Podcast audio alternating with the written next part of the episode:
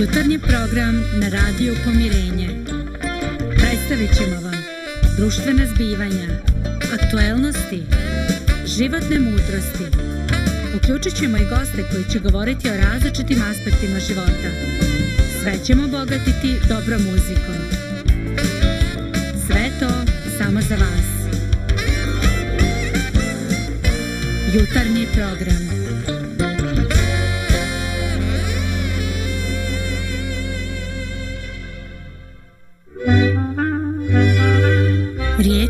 Riječi ljudi. Svjetlo i radost na našem putu. Pozdrav dragi posjetioci, slušalci Radio Pomirenja. Evo ponovo smo zajedno, srijeda je i ideja vodilja današnjeg programa je kao što ste čuli u uvodnoj špici. Riječi mudrih ljudi. I zaista postoji nebrojeno blago u ostavštini ljudskog duha postoje mnoge mudre misli koji su ostavili ljudi koji su živjeli prije nas. I iz te velike riznice mi ćemo svake srijede izabrati neki citat, neku misao i razmišljati o njoj. Razmišljati koliko je to aktuelno u svijetu koje mi danas živimo. Koliko su neke vječne istine zaista vječne. Koliko su upotrebljive danas. Naravno, o svim stvarima ćemo imati slične ili udaljeno mišljene. To i nije ono što je najvažnije. Važno je da se e, zamislimo i da valoriziramo stvari u našem životu, pa i sam taj život. Dakle, e, danas imamo temu koja je poznata svim našim ljudima. E, u naslovu ovaj spomenuli smo ovaj ideju da to bude eh, sre, realno sretan život. Ali postoje mnoge stvari koji tu ideju mogu kompromitovati. E, svi ste, vjerujem, na ovaj ili onaj način čuli za misao ili stih. Bože, daj mi snage da prihvatim ono što ne mogu promijeniti hrabrosti da promijenim ono što treba i mogu promijeniti i mudrosti da razlikujem tvoj razlikujem to dvoje. Ono što je radosno vije za danas, ovaj stih i kako ima i svoj nastavak. I bit će mi zadovoljstvo da o ovome prvome svima dobro poznatom citatu, ali i o nastavku da razgovaramo, da pričamo u toku današnjeg programa.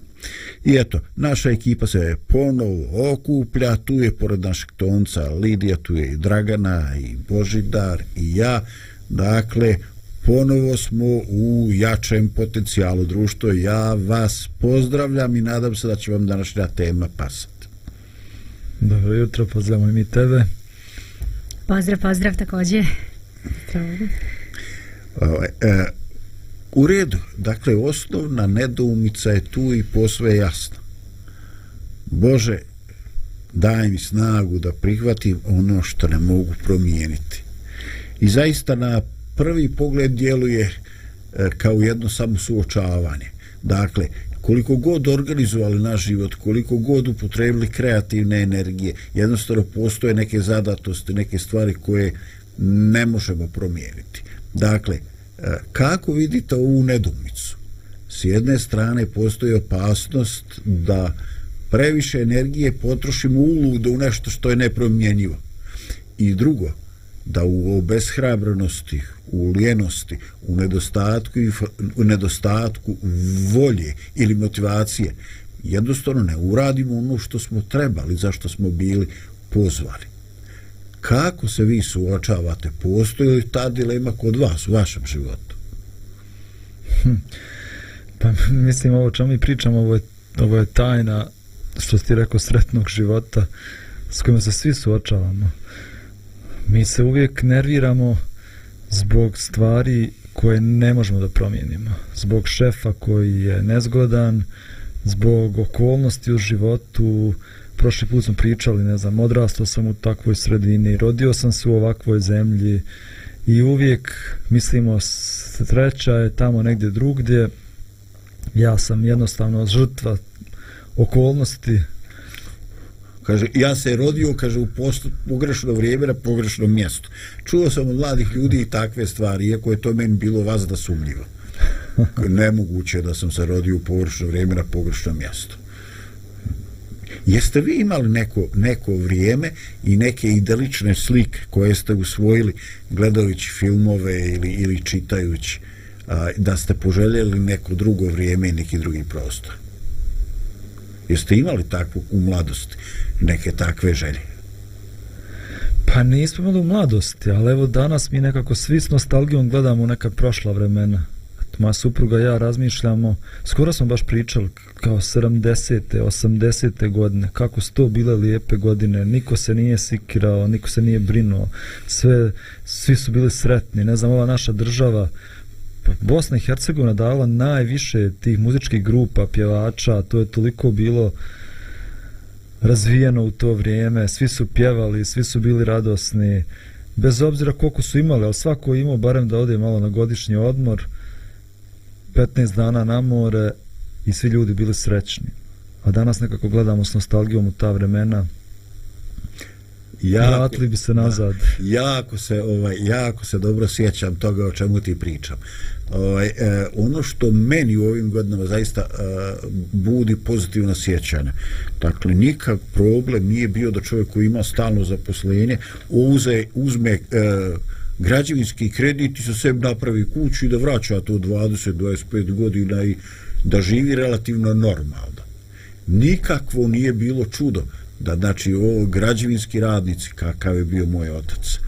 Ovaj, da jednostavno firma ima tamo negde na more neke barake jes da je to bio malo onako ovaj, kako bi rekao skromni smještaj. Bilo je ovaj, dva, tri kupatila na čitav spratu ali oni su dobijali bonove imali su desetak dana onda jedne godine kad se ocu nije bilo da on meni bonove ja ništa, otišao tamo imao besplatan ručak u restoranu, besplatno spavanje, sve na očeve bonove i tako.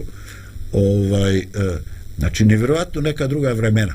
A sada nadam se da me nećete ovaj, prokleti. E, ja se sjećam da ta neka mjesta koja su ču, slu, za vikend služila kao odmarališta, često se tako mogao vidjeti neki plamičak dima. Ljudi su izlazili u prirodu, znači ne samo za 1. maj pa su nešto pekli, rošti, dali, družili se, djeca se igrala. Da, bila su neka, bila su neka e, druga vremena, ali ovaj, vidite kako lako, kako lako skrenemo sa teme. Bože, daj mi snage da prihvatim ono što ne mogu promijeniti. Sa druga strana. I, e, i hrabrosti da promijenim ono što trebam i mogu. E sada, naravno da je ovo teško oboje zaokružiti bez ovoga treće. I daj mi Bože mudrosti da mogu to razlikovati. Jer stvarno imati hrabrosti i gurat nešto što neće proći ili e, izgubiti motiv postati, e, okrenuti se prema prošlosti i ne učiniti od života ono što je realno moguće mi se čini kao ovako dve strane iste proklete medalje. E, gubitak nam je i jedno i drugo. Kako gledate taj problem, e, Bože, daj mi da to dvoje mogu razlikovati. Hm, možda Dragana hoće se uključi. Pa to je što kažeš misterija, znači za, za sve nas. Hm, kako razlikovati to? to ti uvijek pitanje, znači šta je, da li treba mi dalje gurat i sve izgubiti u životu radi te i te stvari, radi tog i tog cilja ili se trebam vratiti u prošlost um, ili šta trebam da radim, uvijek to pitanje, znači šta konkretno sad u ovom trenutku na ovom mjestu trebam da radim. da, ja mislim odgovor, odgovor na to pitanje što nije težak. Ono što ja ne mogu da promijenim je sve ono što je izvan mene. Ne mogu da promijenim ni tebe zdravko, ne mogu da promijenim ni svoju ženu, ne mogu da promijenim ni svoju, svoju majku, ni svoju djecu, ni bilo koga ja drugog ne mogu da promijenim. Ne mogu da promijenim kako će ljudi da misle, kako će da razmišljaju, ne mogu da promijenim okolnosti u društvu u kome živim, ali ono što uvijek mogu da mijenjam, a to sam ja sam.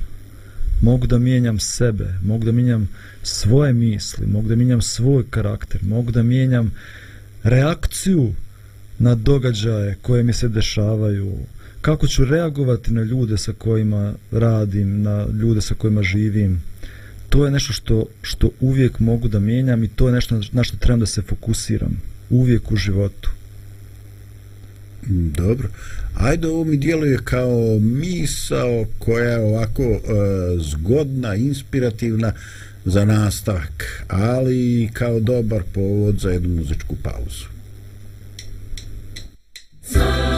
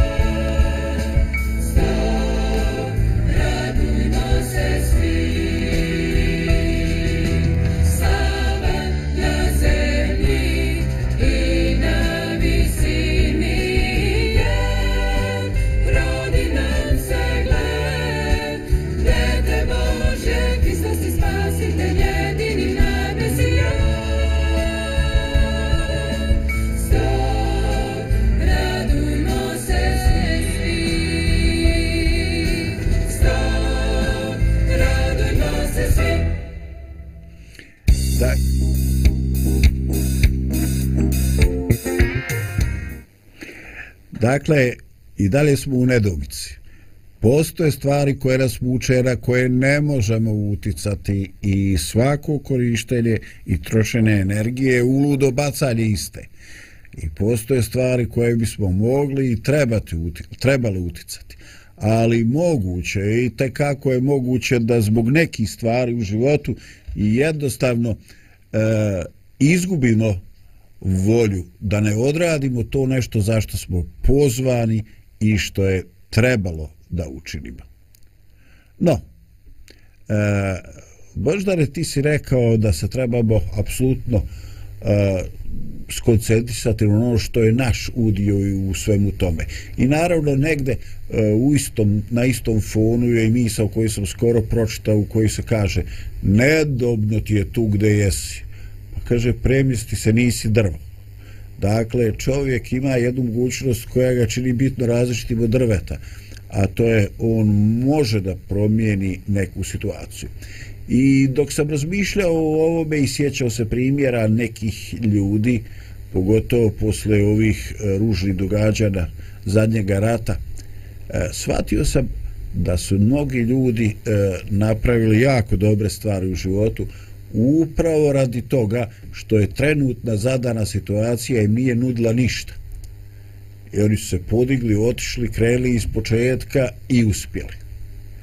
A onda se sjećam nekih ljudi, poznanika, e, koji su imali e, taman toliko kao neki oblik lažne sigurnosti. Nisu htjeli to da rizikuju i onda su e, prošle su godine njihovog života u nekom tavorenju, u nekome funkcionisanju na minimumu koji je daleko ispod njihovih e, njihovih realnih životnih sposobnosti. Znači, radi se ljudima koji žive na području gdje su zatvorene neke velike firme ili ugašeni rudnici i tako, tako da recimo na stotine ili hilje ljudi ostalo je bez posla i oni bukvalo nisu imali čime da se bave. Ali u neka dobra vremena oni su napravili kuće, kuće koje nije rat uništio i oni su ostajali da čuvaju. I godinama se nisu razvijali. Ništa progresivno se nije desilo. Ništa se nije desilo u životu što bi stvarno bilo kakav napredak. E sad upravo ono što, su, što ste vi kolege spominjali. Bože, toliko nam je mudrosti treba da možemo razlikovati i nije to uvijek lako. Možda možda upravo ono što ste i rekao možemo e, uticati na to kako ćemo mi doživljavati neke situacije. Jer e, jednostavno e, moje iskustvo da su e, mnoge situacije ili subjektivni doživljaj nekih životnih situacija bio mnogo više dramatičan nego što je to realno zahtijevalo Dakle, čovjek se sekira, čovjek se jede džigaricu, čovjek pobolijeva, navlači na sebe bijedu, gubi imunitet, radi čega? Radi toga što je jako subjektivno i što je jako na težak način shvatio ono što se dešava. No ja sam vam obećao i nastavak ovoga dobro poznatoga stiha e, koji kaže ovako dakle i da ima mudrosti da mogu promijeniti e, to dvoje i onda e, idemo možda redak po redak živeći dan za danom uživajući trenutak za trenutkom, prihvaćajući teškoće kao put prema miru, prihvaćajući poput Isusa ovaj grešni svijet takvim kakav jeste, a ne kakvim bi ga želio. Vidite, pročitao sam drugi dio ovoga stiha. I ovaj, e, ovde se upravo govori e, o jednome aspektu živeći sat za dan za danom, sad za satom. Ovaj, o, o toj e, čovjekovoj e, skoncentrisanosti na sadašnji trenutak. Koliko je vaše iskustvo podržava ovu priču da je bitno da čovjek veliki dio, najveći dio ili gotovo svu svoju energiju troši na današnji dan. Da ne rasipa energiju trošeći na ono što je bilo i što će možda sutra biti ili možda neće. Hm. Kako je naše iskustvo? Pa, ne znam što da kažem. Mi svi prolazimo, prvo se govori o brigama.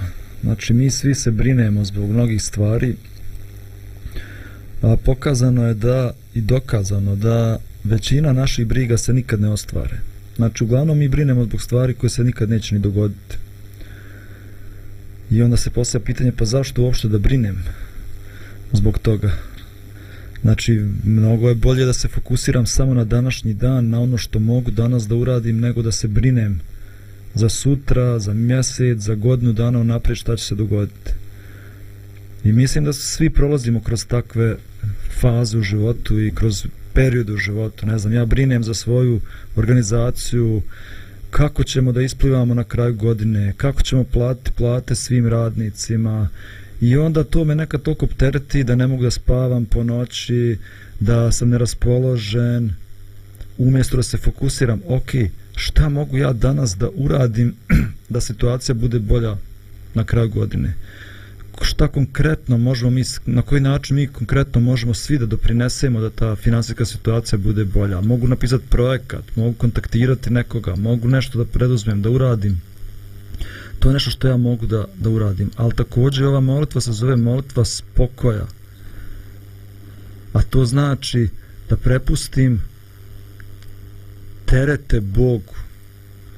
Ja, ura, ja ću raditi ono što mogu da uradim, a sve ostalo ću da prepustim Bogu, zato što znam da je On Otac koji brine.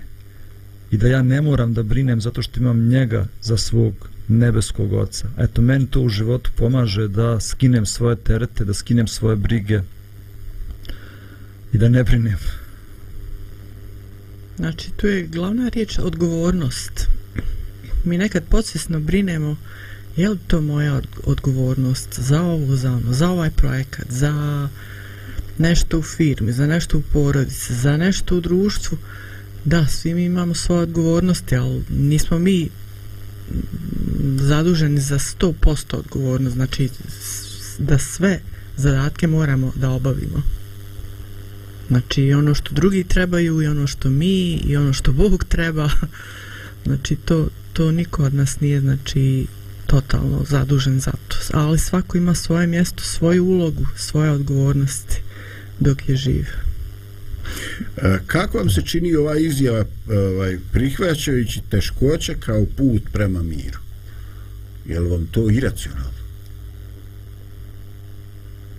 Koliko su teškoće donijele vama neki mir u životu? Kako su, kako su uticali uopšte na vas, na vašu ličnost, na vaše eh, viđenje života? Hm. Kako su teškoće uticale na mir u mom životu? Pa, opet dolazimo na duhovnu priču. Ok, za mene teškoća, svaka teškoća u životu za koju sam se ja brinuo, strahovao kako će se riješiti, riješila se na dobar način. Na način da sam ja vidio Božju ruku u svom životu, da sam vidio da je Bog uklonio tu prepreku, uklonio tog diva iz mog života. Jedan put, drugi put, treći put, deseti put. I na kraju sam naučio kad dođe teškoća, nemam razloga da se plašim, nemam razloga da strahujem, nemam razloga da se brinem. Jer me iskustvo već uči da će se Bog pobrinuti. Da. Dakle, bili smo u puno situacije u kojoj smo potrošili nepotrebno mnogo energije u kojoj smo dozvolili da nas stvari izjedaju i onda kad prođeš tu proceduru nekoliko puta i uđeš u neki novi izazov, novu poteškoću, onda se prisjetiš tog nekog svog minulog rada, nekog svog iskustva i kažeš čekaj, pa mislim ono, dovde nas dovede gospod, što kaže u knjiga Mojsijevim, ovaj, e, valjda će se i sada naći neko rješenje. Eto, nismo mi danas živi rad toga što smo nešto posebno pametni, nego rad toga što je postojalo neko predodređenje, postojalo je neki blagoslov koji je tu bio. E, provedeni smo i dok traje to bit će i nas. Ovaj, e, jednostavno e, kaže dve stvari me ushićuju. Ponašanje beba i staraca.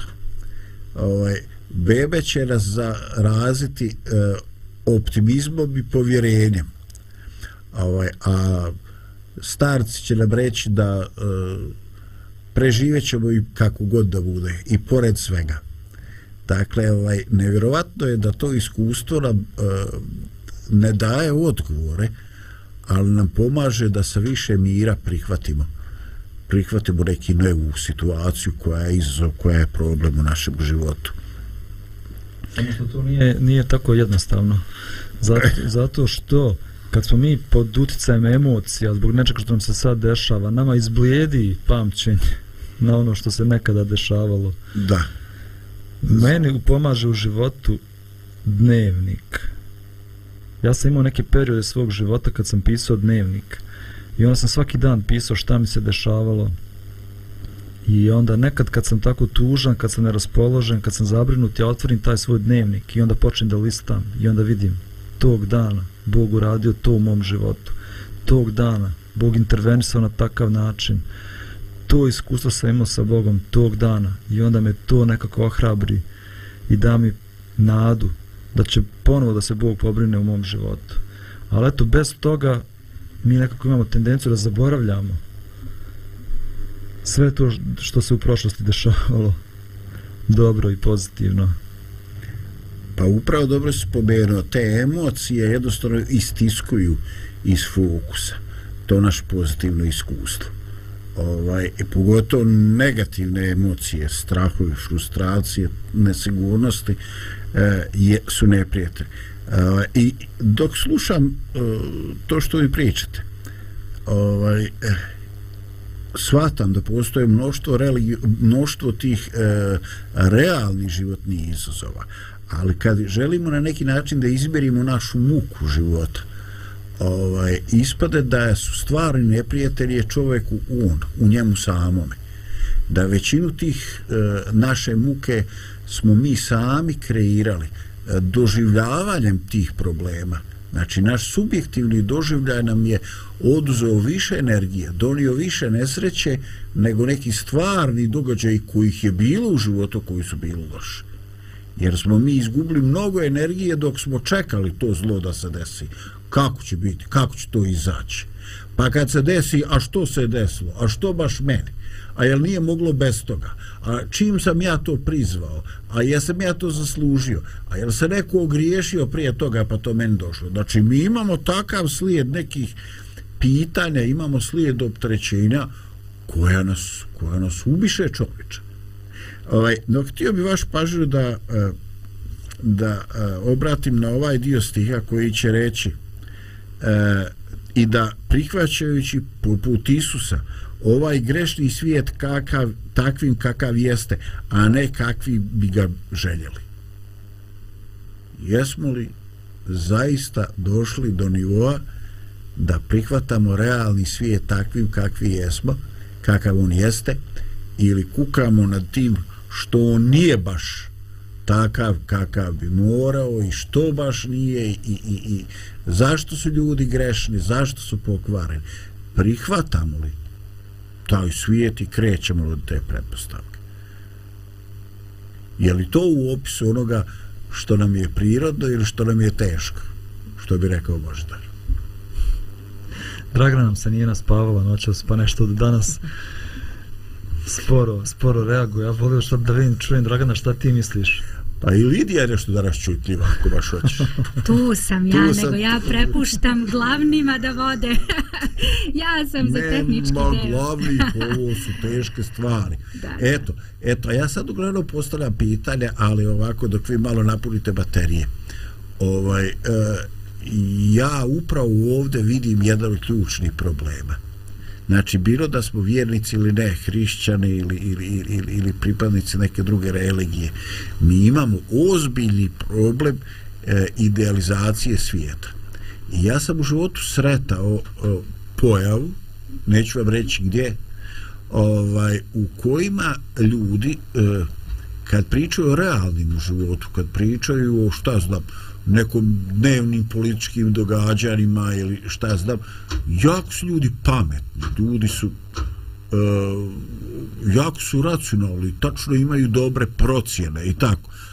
Ali ovaj kad počnu pričati o nečemu što je etički, što je dobro, kakav bi trebao da bude pravi vjernik, on iracionalno. I od jedan put sva ta pamet i mudrost kao da je nestala. I, ovaj, i oni jednostavno, očekuju da ljudi e, koji pripadaju istoj zajednici da oni bud, trebaju biti onakvim kakvim su ih nacitali ideali. Juda se nešto češu po glavi kad im se desi drugačije.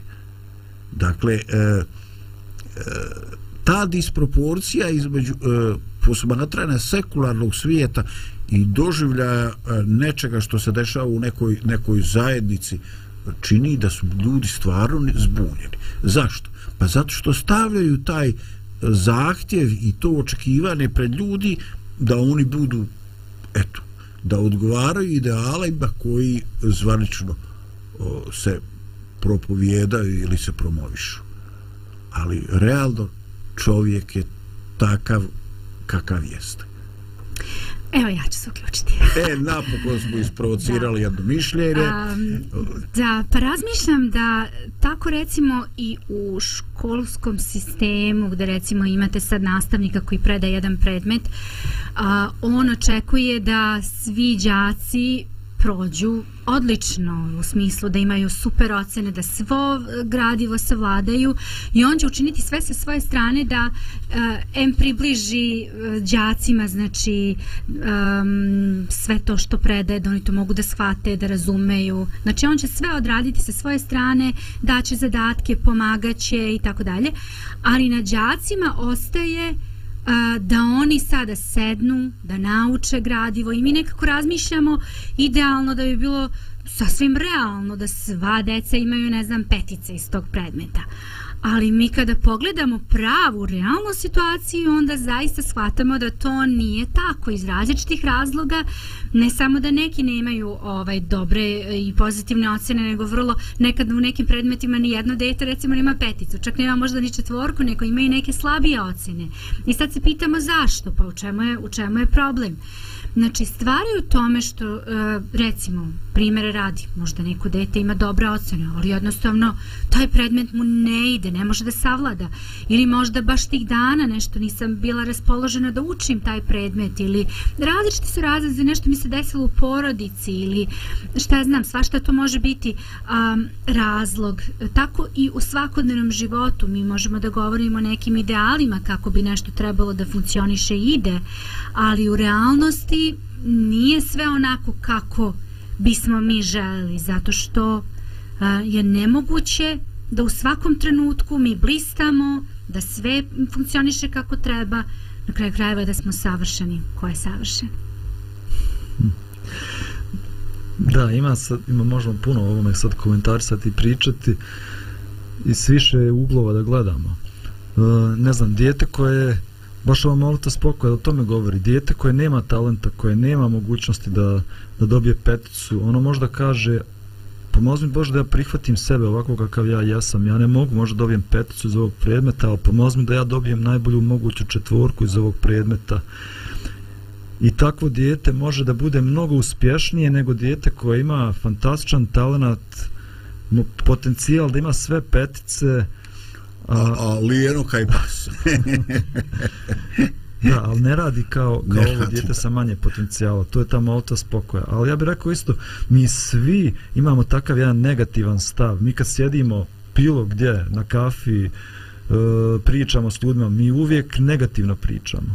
Ne valja država, nema pravde, nema funkcion, ne funkcioniše ništa, sve je korumpirano, Pa onda ljude ogovaram, ovaj ne valja, ovaj ne valja, ovaj ovakav, ovaj onakav. Umjesto da nešto mi pozitivno uradimo. Pa dobro, sve je tu tako, ništa ne valja oko mene. A mogu li ja neki pozitivan doprinos da dam društvu? Mogu ja nešto pozitivno da radim u životu? A većina nas, eto, smo žrtve toga što ti rekao, mjesta i vremena. Rodili smo se ovdje i, i živimo ovdje i plakat ćemo i žalit ćemo do kraja života. Da, ali, ali nećemo nešto značajno uraditi, nećemo ni pokušati. Nećemo ni pokušati. Jer smo, jer smo depresivni. Ovaj, e, u nastavku ovoga stiha, ajde pročitat ću do kraja, ima jedno tri tačke koje ja prepoznajem. Ovaj, no, e, do, evo, mislim da naš, ovaj, da naš tonac signali, signalizira da smo se raspričali. Dobro, Lidija, potpore si u pravu, daj nam malo muzičke pauze.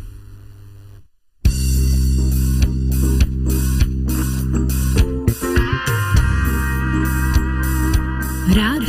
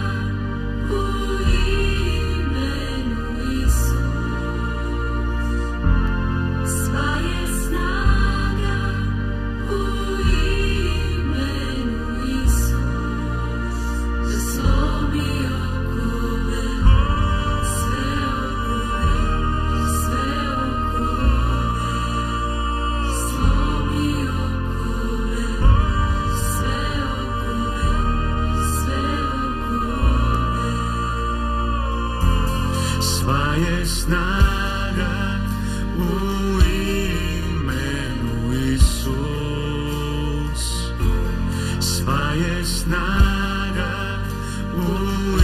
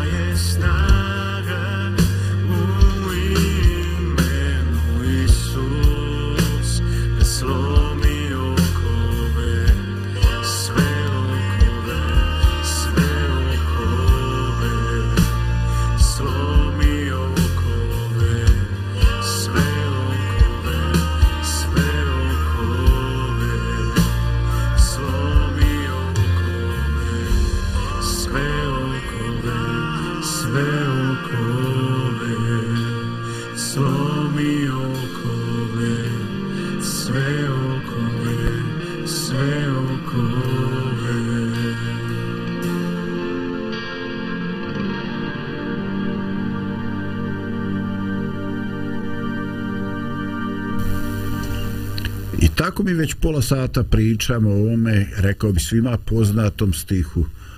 O Bože, daj da se izborim sa onim što je moja odgovornost, daj da regubim energiju nad onim što ne mogu da dobacim i daj pameti ako može kako da mogu razlikovati to dvoje. I sve je bilo dobro dok nisam pokušao da nađem ko je autor, a onda sam slušao komentare na mreži i ova misao je prijavljena e, autorstvo sa raznih strana. Tako sam saznao da je autor e, neki arapski pjesnik, pa sam onda bi rekli da je to Franjo Asiški i onda svašta nešto. Ja sam već skoro pomislio da ja to nisam autor, ali nisu me prijavili. I onda sam našao da je ovaj e, prilično ovako autor teorizor koji kažu da je autor ove misli u stvari E, Karl Paul Rein, Reinhold Niebuhr bio je američki reformistički teolog, etičar, komentar političkih i javnih poslova i događanja te profesor na teološkom fakultetu Unior. I više od 30 godina Nibur je bio jedan od vodećih američkih javnih intelektualaca koji se izjašnjavao o mnogim spornim društvenim, duhovnim e, događajima. E, interesantno za njegov život je da je eh, e, 1964. godine dobio e, predsjedničku medalju slobode u, u SAD-u. Dakle, radi se o čovjeku koji je e, etičar teolog, ali koji se nije libio da govori i o nečemu što su društveno aktuelne teme, ali uvijek, kao i u ovome stihu, ostalo ovaj, uh, on je skretao vodu ili uspomjeravao ljudsku pažnju na njegov uh, duhovni život. I tako uh, i pred kraje ovoga citata čita Uzdajući se da ćeš ti, dakle Bogu kaže, učiniti sve onakvim kako bi trebalo biti, predam li se tvojoj volji. Tako da mogu biti u razumnoj mjeri sretan u ome životu i beskrajno sretan s tobom u sljedećem. Interesantno i za mene makar fascinirajući. E, ja bi, Bože, znam da je moj pred, problem da se predam tebi, da ti vjerujem, da puštam na neki način da ti usmjeravaš moj život, da te prizivam u taj život, da ga ti blagosloviš, da jednostavno po tvojoj se volji ispunjavaju ili ne ispunjavaju moje želje i moje ambicije. I vidite, čim dođemo do tog mjesta, mi već dolazimo do suštinskog pitanja duhovnosti. Čovjek duha e, nema za Boga samo spisak želja. Čovjek duhovnosti, on traži da Boži kriterijum dobra ili zla odluči koliko će se njegove ambicije ispuniti ili ne. Dakle, on e, priziva Boga da filtrira, da cenzuriše stvari u njegovom životu. I tu je ono tradicionalno da bude volja tvoja i na zemlji kao što je na nebu. Dakle, e, ovaj stih se e, završava e, sa dvijema rečenicama koje su ovako meni jako inspirativne. I kad on želeći da preda svoju volju Bogu, on kaže tada ćeš ti učiniti Bože da sve bude kako treba i kaže tako da mogu biti u razumnoj mjeri srećan u ovome životu. Kako je to meni ovako inspirativno i duboko? On želi da bude u razumnoj mjeri srećan. Ljudi, šta ovo znači? Kakva je to, kakva je to želja da bude u razumnoj mjeri srećan? Da, ne znam, ne znam šta vam podrazumijeva razumna mjera sreće. A šta vama pada Ali, na pamet? Da, meni, meni pada na pamet, evo ti si već govorio o tome. Ja imam, imam dva prijatelja, imamo jednu grupu na Facebooku. A, grupa se zove Tri posta Migosa. I mi smo počeli tu grupu kad je korona krenula i puno ljudi je bilo bolesno i ljudi su umirali i mi smo tu grupu pokrenuli. Živimo na tri različita kraja svijeta.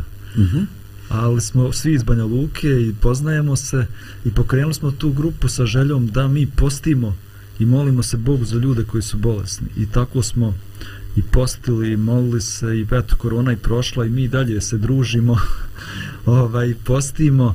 I jutro sam baš njima napisao uh, razlog zašto mi tražimo Boga. Ne treba da budu problemi u našem životu već mi treba da tražimo Boga zato što ga volimo iz, iz ljubavi prema njemu zato što želimo da ga još bolje upoznamo zbog njegove dobrote zbog njegove blagodati zbog toga ja tražim Boga u svom životu a ne da je Bog neka mašina pa sad ja trebam tri dana da postim ne jedem, ne znam šta sve ne uradim da se on smiluje da bi riješio neki problem u mom životu. I jutro sam baš čitao 90. psalam koji kaže govori o prolaznosti života i kaže kako je život kratak kao cvijet ujutro raste dan, popodne, popodne vene. vene i sjeća se i takav je naš život ali onda kaže ovako Bože nasiti me jutrom dobrote svoje i radovaću se u sve dane života svojega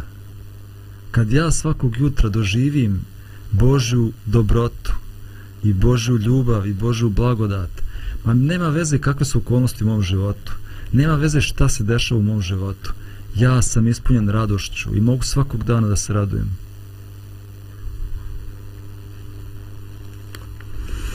E, očito je e, očito je e, da se ogroman procenat e, kvaliteta našeg života tiče upravo našeg subjektivnog doživljaja Eh, onoga što nam se realno dešava. Eh, no ja sam i dalje i dalje u potpunosti ovaj eh, okrenut prema onome šta znači u razumnoj mjeri sreća. Ovaj, postoji jednostavno neko, neko stanje u ljudskom umu gdje ljudi žele da budu srećni po svaku cijenu gdje ljudi su jednostavno spremni da uzimaju i, i neke opijate da bi podugli tonu svoje sreće. Ovaj, ali e, srećan život ne znači biti nasmijan i iskežen ovaj, non stop, smijeti se non stop. E, srećan život je kad ti na kraju dana ili nekog vremenskog perioda zahvališ Bogu na sve što imaš, ovaj, iako je u međuvremenu bilo i problema e, tenzija. E, ja sam jednom e, pričao upravo o tome da jako veliki broj fotografija koji dolaze od prijatelja koji žive na, na zapadu ovaj opažam da se on stalno smiju. Ja baš nešto nisam siguran da je baš sve u životu baš tako krasno ovaj i, ili je to neko pravilo da se ne smiješ fotografisati ako se ne iskežeš i pokažeš ovaj pokažeš zube. A meni je to nekako nerealno. Ja u tome upravo vidim ovu želju da budem uh, realno sretan. Onako stvarno koliko ima realne sreće u tome životu e, bez da mi trebaju neki, neki posebni efekti posebna stanja i posebna usićenja E, mnogi ljudi će reći oma čoveče pa sreća ti je e, kad te ništa ne boli. Šta hoćeš više? Svi su ti živi i zdravi. E, sreća ti je što bi rekao Izet Vazlirović sreća ti je kad ti je došlo do toga da ti je malo i dosadno. Eto možda to nije kreativno možda nije stvaralački ali onda makar nema nešto što te muči i što te boli. Možda samo razlika među riječi srećan i radostan. Možda i nema neke razlike, ali ja je vidim. Kažu tamo u Americi kad e, roditelji imaju djecu, njihov glavni cilj je da dijete bude srećno. Dok ne znam u nekim drugim zemljama glavni cilj da dijete bude dobro. Dobro dijete. Mislim da ako si, ako si dobar u životu da ćeš biti srećan. To jest radostan. Ako samo teži sreći bez ovog drugog možda i nećeš biti, ali ja, ja ne mislim da ta radost je nešto ushićenje svakog dana. Mm -hmm. To je neka unutrašnja, unutrašnje zadovoljstvo, mir, to je taj spokoj, mir, unutrašnje zadovoljstvo, ta unutrašnja radost koju ne može da pokvari ništa što se dešava izvana. nikakve okolnosti ne mogu da poremete tu moju unutrašnju radost koju ja imam sa Bogom. Zato što imam povjerenje u svog nebeskog oca, zato što znam da je on apsolutna ljubav, dobrota i znam da će njegova volja na kraju biti ono najbolje što je za moj život i mogu da se prepustim prepustim tome. Ali opet kad spominješ slikanje, Da, da. ako ja imam Kez. tu unutrašnju radost, pa ja kad se slikam sa mojim drugarima, mogu da se i nasmijem, ne moram da Možeš. Na Ali ne moraš baš svaki put. da, a meni je bliže ono Bora Čorba, ja sam rođen na Mrgođe, da. e, da, otiću vam tajnu. Ja inače s ovim kolegama iz studija, kad se smijem, kažu da sam ja stalno na Mrgođen, a ja kažem, a vi se neprirodno smijete i kezite. No dobro, ajde, otkrili smo nešto s tajnu inter, dinamike internog života. Ovaj, Lidija, daj nam još jednu pauzu, pada privodimo kraju ovo dešavanje.